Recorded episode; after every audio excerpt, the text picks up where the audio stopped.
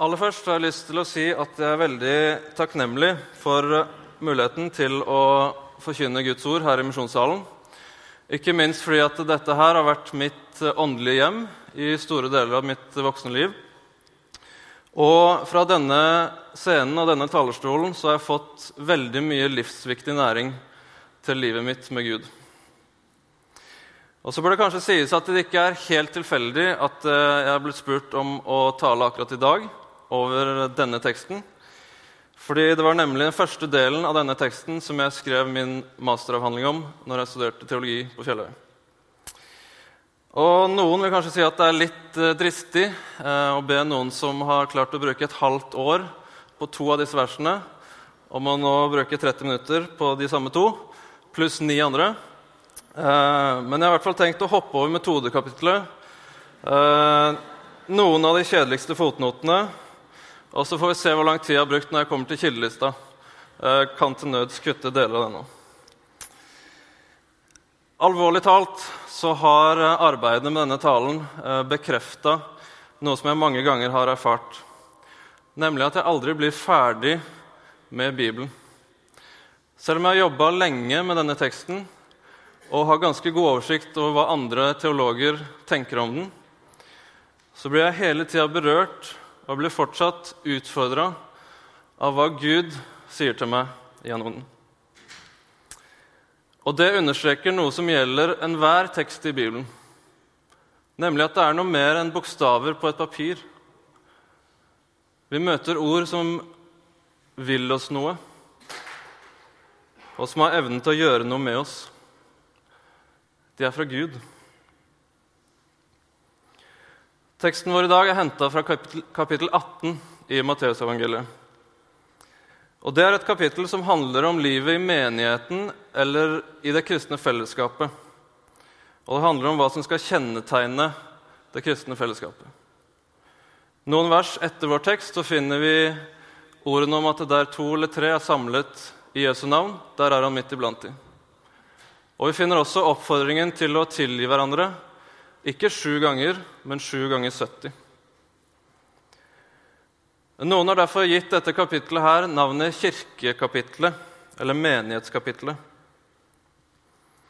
Og vår tekst, som er eh, den første i denne manualen for Kirken, om du vil, den åpner med et spørsmål fra disiplene til Jesus. Hvem er den største i himmelriket?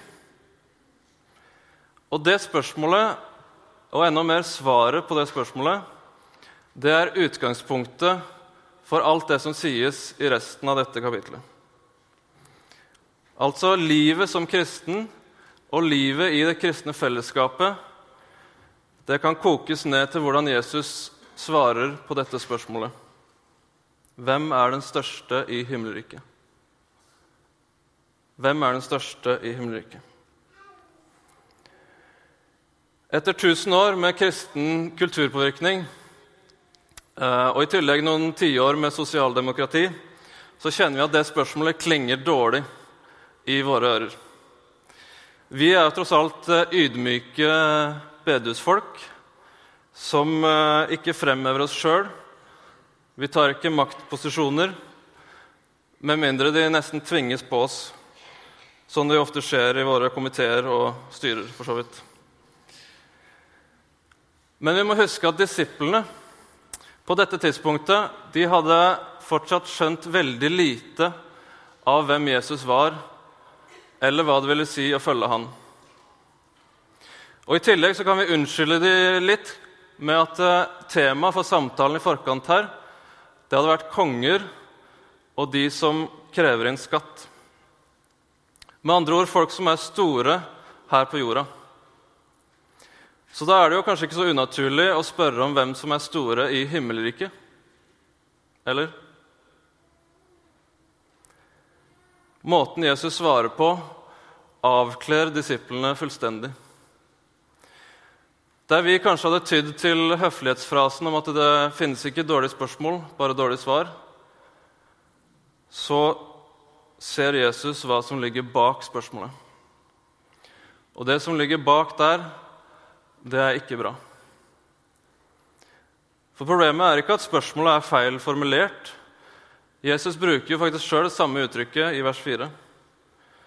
Problemet er motivasjonen og tankegangen som ligger bak spørsmålet. Himmelriket er nemlig ikke som andre riker. Det er fundamentalt annerledes. Og den som er opptatt av makt og posisjon i dette riket, han stiller ikke bare feil spørsmål. Han står i fare for å bli stående utenfor. Og For å illustrere dette poenget så henter Jesus fram et lite barn og bruker det som et eksempel. Uten at dere vender om og blir som barn, kommer dere ikke inn i himmelriket. Og da blir jo det avgjørende spørsmålet hva vil det si? Hva mener Jesus med å bli som barn? Hva er det ved barna som er så forbilledlig? Det er et spørsmål som teologer og forkynnere har forsøkt å svare på opp gjennom hele kirkehistorien. Og det finnes nesten like mange svar som det finnes forkynnere og teologer. Noen eksempel, løfter fram barnas uskyld og mildhet. Andre nevner barnas naturlige nysgjerrighet, åpenheten. Mens andre igjen peker på lydigheten mot foreldrene og det at man er takknemlig for det man har, osv. Det som kanskje er felles for alle disse her tolkningene, det er at man først og fremst leser inn samtidens syn på barn eller kanskje aller helst som man ønsker at barn skal være. Og så blir det det som er det forbilledlige. Men hvis vi i dag skal forstå hva Jesus mente med å bli som barn, så må vi først ta inn over oss hvor utrolig sjokkerende dette eksempelet var. I dag er det kanskje ikke så overraskende. Eh, Barn har en forholdsvis høy status i samfunnet vårt i dag. Hvis du spør en far eller mor i dag om hva som er det viktigste i livet deres, så vil veldig mange svare barna. Barn har rettigheter og vern. De eh, ses på som verdifulle medlemmer av familie og samfunn, som kanskje vi voksne kan lære noe av. Vi har barneombud, og vi har barnekonvensjon. Og I tillegg så har vi som kristne etter hvert blitt ganske vant til tanken om at barna og Jesus det hører sammen.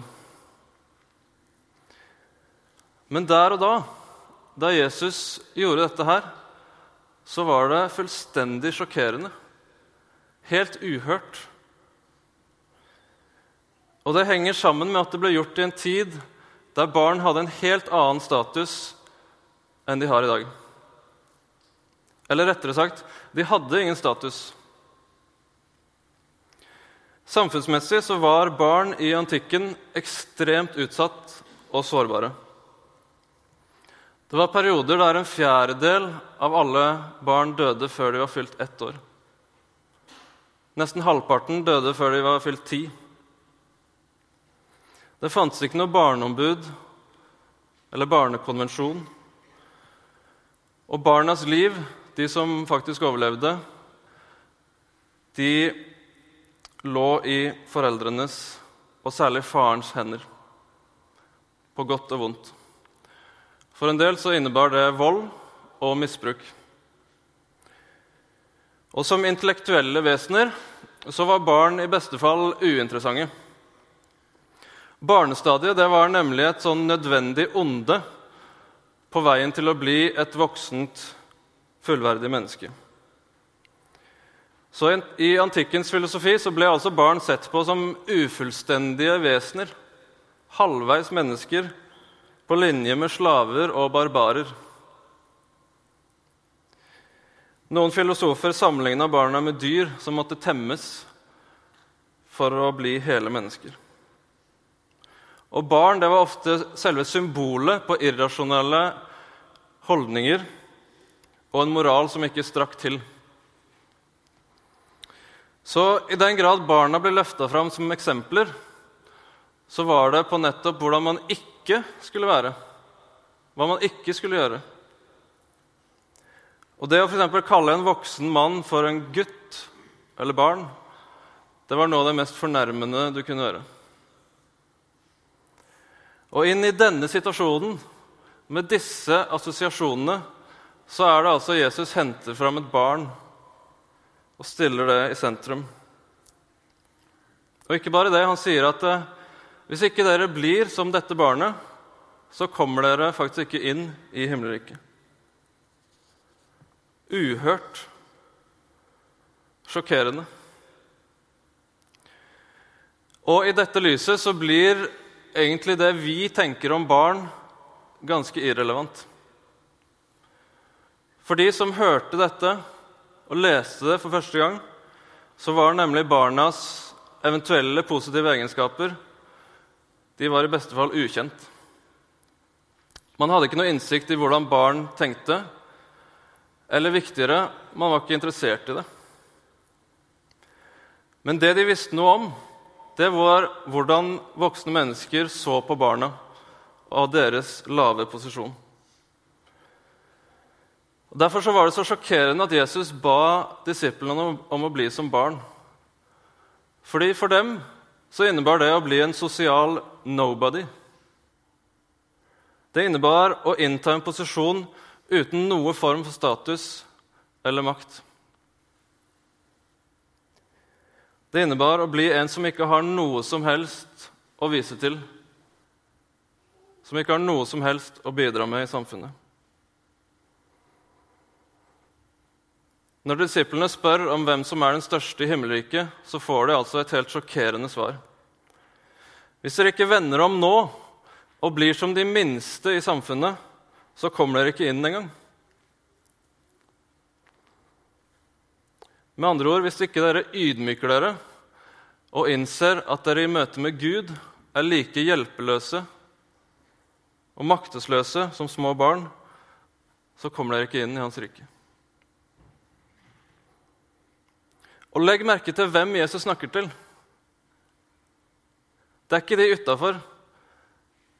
Det er ikke de ikke-kristne som må vende om og bli som barn for å komme inn. Det er disiplene. Det er dere. Dere som allerede er innafor. Dere må vende om og bli som barn. Hvis ikke risikerer dere å havne utafor. Og det samme gjelder for oss i dag. Selv om vi kanskje liker å se på oss sjøl som et ydmykt folk, så tror jeg disiplenes spørsmål viser en grunnleggende holdning som vi alle deler. Enten vi innrømmer det og setter ord på det, sånn som disiplene gjorde, eller vi holder det for oss sjøl, så tror jeg alle mennesker lengter etter å være store. Vi lengter etter å bli beundra, etter å bli opphøya, etter å være litt over de andre, etter å være noen med makt og innflytelse. Og hvis jeg skal være helt ærlig, så er det en betydelig drivkraft i mitt eget liv også. Som bl.a. spiller inn når jeg står på denne scenen ønsket om å være stor i himmelriket og i mitt eget rike. Så møter Jesus meg i denne teksten og ber meg om å vende meg bort fra det der. Ikke fordi det er galt i seg sjøl å ha makt og innflytelse, men fordi Guds rike er helt, helt annerledes. Og fordi vi overfor Han bare kan stå som små barn, fullstendig overlevert til Hans nåde og hjelp. I Guds rike handler det nemlig ikke om hva du kan vise til, eller hva du kan oppnå. Det handler om hva Gud vil gi. I parallelltekstene i Markusevangeliet og Lukasevangeliet så kommer det veldig tydelig fram ved at det der handler om å ta imot Guds rike som et lite barn. Guds rike er ikke noe som kan oppnås eller fortjenes. Det kan bare tas imot. Og den som er i best posisjon til å ta imot, det er det lille barnet. Og barna er på den måten forbilder. Ikke gjennom det de har eller kan, men nettopp av det de ikke har. Det de mangler. Det de må få av andre. Og for meg og deg så betyr dette her at vår største ressurs i møte med Gud er det vi mangler. Vår største ressurs er det vi ikke har. Alt det vi ikke får til. Alt det vi ikke kan vise til. Alt det som vi ikke kan gi. For det betyr at det er Gud som må gi oss det. Det betyr at han må gjøre det for oss, og at vi må få det av han. Som et lite barn. Og dette er en stor trøst til deg som skulle ønske at ting var annerledes i kristelivet. Du som kanskje kjemper med synd. Du som skulle hatt mer frimodighet. Du som skulle vist mer kjærlighet og tålmodighet. Du som skulle gjort noe mer, og som vet så altfor godt at du ikke strekker til. Du som føler deg liten. For det er til deg Guds rike gis. Og det er faktisk du som er den største i himmelriket. Og så er det en advarsel til deg som tenker at du fortjener å være hans barn som mener at du kan vise til noe ved deg sjøl som gjør deg verdig. Du må vende om, ellers risikerer du å bli stående utenfor.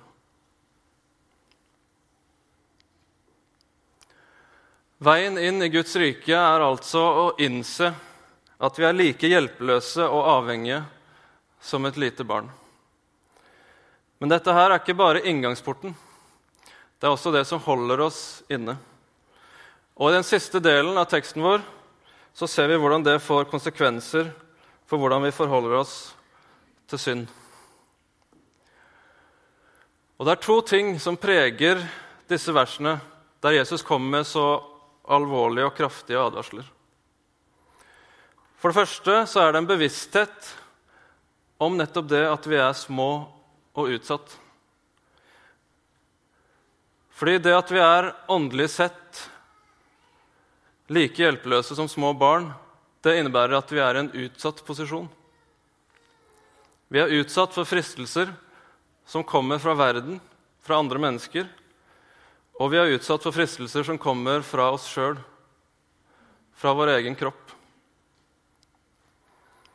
Som små barn er vi avhengig av hjelp, ikke bare for å komme inn i Guds rike og få det som er godt, men vi er også avhengig av hjelp til å stå imot det som er vondt. Og en av de største farene for en kristen, det er selvsikkerhet. Fordi selvsikkerhet forhindrer oss fra å se behovet for en frelser. Men det gir oss også en falsk trygghet i møte med synd og fristelser. Derfor må den som tror han står, passe seg så han ikke faller, sier Paulus i 1. Korinterbrev 10,12. Vi må ikke gjøre den feilen å tro at vi er sterke nok til å stå imot fristelser på egen hånd. Så når Jesus ber oss om å hugge av hånda eller rive ut øyet, så er det en, erkjennelse av svakhet i det. Og Det er en erkjennelse av at til og med våre egne hender, våre egne øyne, er i stand til å forråde oss. Vi er små og utsatte, og vi kan ikke stole på vår egen styrke. Da kommer vi til å falle. Og kanskje enda verre så kan vi ende opp med å få andre til å falle. Den andre tingen som preger disse versene, det er et bunnløst alvor i møte med fortapelsens mulighet. Og Dette alvoret det forsvinner ofte når vi leser teksten, fordi at vi er så veldig opptatt av om Jesus mener dette bokstavelig eller ikke. Skal han tolkes bokstavelig eller ikke? Jeg tror Jesus mente dette bokstavelig. Ikke i betydning at vi som kristne skal hugge av oss hender og føtter og rive ut øynene, men som i at hvis det var faktisk det som skulle til, så burde vi gjøre det. Uten tvil. Fordi det er bokstavelig talt bedre å gå lemlesta inn til livet enn å gå evig fortapt. Det punktet der tror jeg Jesus mener helt bokstavelig. Fordi alvoret er bokstavelig talt. Og det Jesus ber oss om gjennom disse oppfordringene, det er å ha en kompromissløs holdning til synd og fristelser. Vi er ikke i en posisjon til å forhandle med synden. Det er altfor mye som står på spill, eh, og vi er altfor svake til det. Den som begynner å forhandle med synden, kommer til å ende opp med å tape alt. Så hva er det Jesus vil at vi skal gjøre? Helt konkret, hva mener han? Jeg tror ikke det er tilfeldig at det er hendene og føttene og øynene som nevnes her. Fordi hver for seg så representerer de egentlig all menneskelig aktivitet, alt det vi foretar oss. Hendene representerer alt det vi gjør. Våre henders verk, det er det vi utfører. Alt det vi produserer, det vi ødelegger, det vi reparerer. Føttene representerer bevegelsen vår. Og selv om vi lever i en tid der vi ikke er like avhengig av føttene, så skjønner vi hva Jesus mener. Føttene forflytter deg fra et sted til et annet, fører deg ulike steder. Og øynene, det er vinduene våre, som bestemmer hva vi skal slippe inn, hva som skal prege oss. Hendene og føttene og øynene representerer på denne måten alt vi foretar oss. Og hver av disse kroppsdelene, disse tingene, kan brukes til både godt og vondt. Og de kan lede oss til å falle. Og når Jesus da ber oss om å kutte de av, kvitte oss med de, så har det en helt konkret betydning. Selv om vi ikke skal kutte de av, eller rive de ut, så skal vi gjøre noe helt konkret. Og For hver enkelt av oss så vil det innebære ulike ting. Men det som er felles, det er at Jesus utfordrer oss til å gjøre noe konkret. Så hvis det er en aktivitet du pleier å gjøre som du vet ikke fører til noe godt, så slutt med det. Gjør noe annet. Hvis det er et sted du pleier å dra som du vet at du egentlig ikke bør være, dra et annet sted. Slutt å oppsøke det stedet. Slutt å oppsøke den situasjonen, den personen eller de personene, hvis det er det det er snakk om. Hvis det er ting du ser på, fyller deg med, som du vet preger deg på en dårlig måte, så se en annen vei. Lukk øynene. Gjør noe med det. Det er for mye som står på spill til å la være. Fordi det er så uendelig mye bedre å gå glipp av ting her på jorda enn å gå glipp av et evig liv. Selv om det innebærer å måtte amputere noe i livet vårt. Til slutt Problemet med Jesu utfordringer det er egentlig ikke at de er for radikale. Problemet er at de ikke er radikale nok. For det vil ikke hjelpe å hugge av hånda eller rive ut øyet. Lysten og synden ligger fortsatt i hjertet vårt og vil alltid lokke oss og bedra oss. Så det Jesus vet at vi trenger aller mest, det er en hjerteoperasjon. Vi trenger nye hjerter. For å få det så trenger vi først å innse at vi er fullstendig hjelpeløse og fortapt. Uten noe å vise til, uten noe å komme med. Vi må innse at uh, vi trenger å få alt.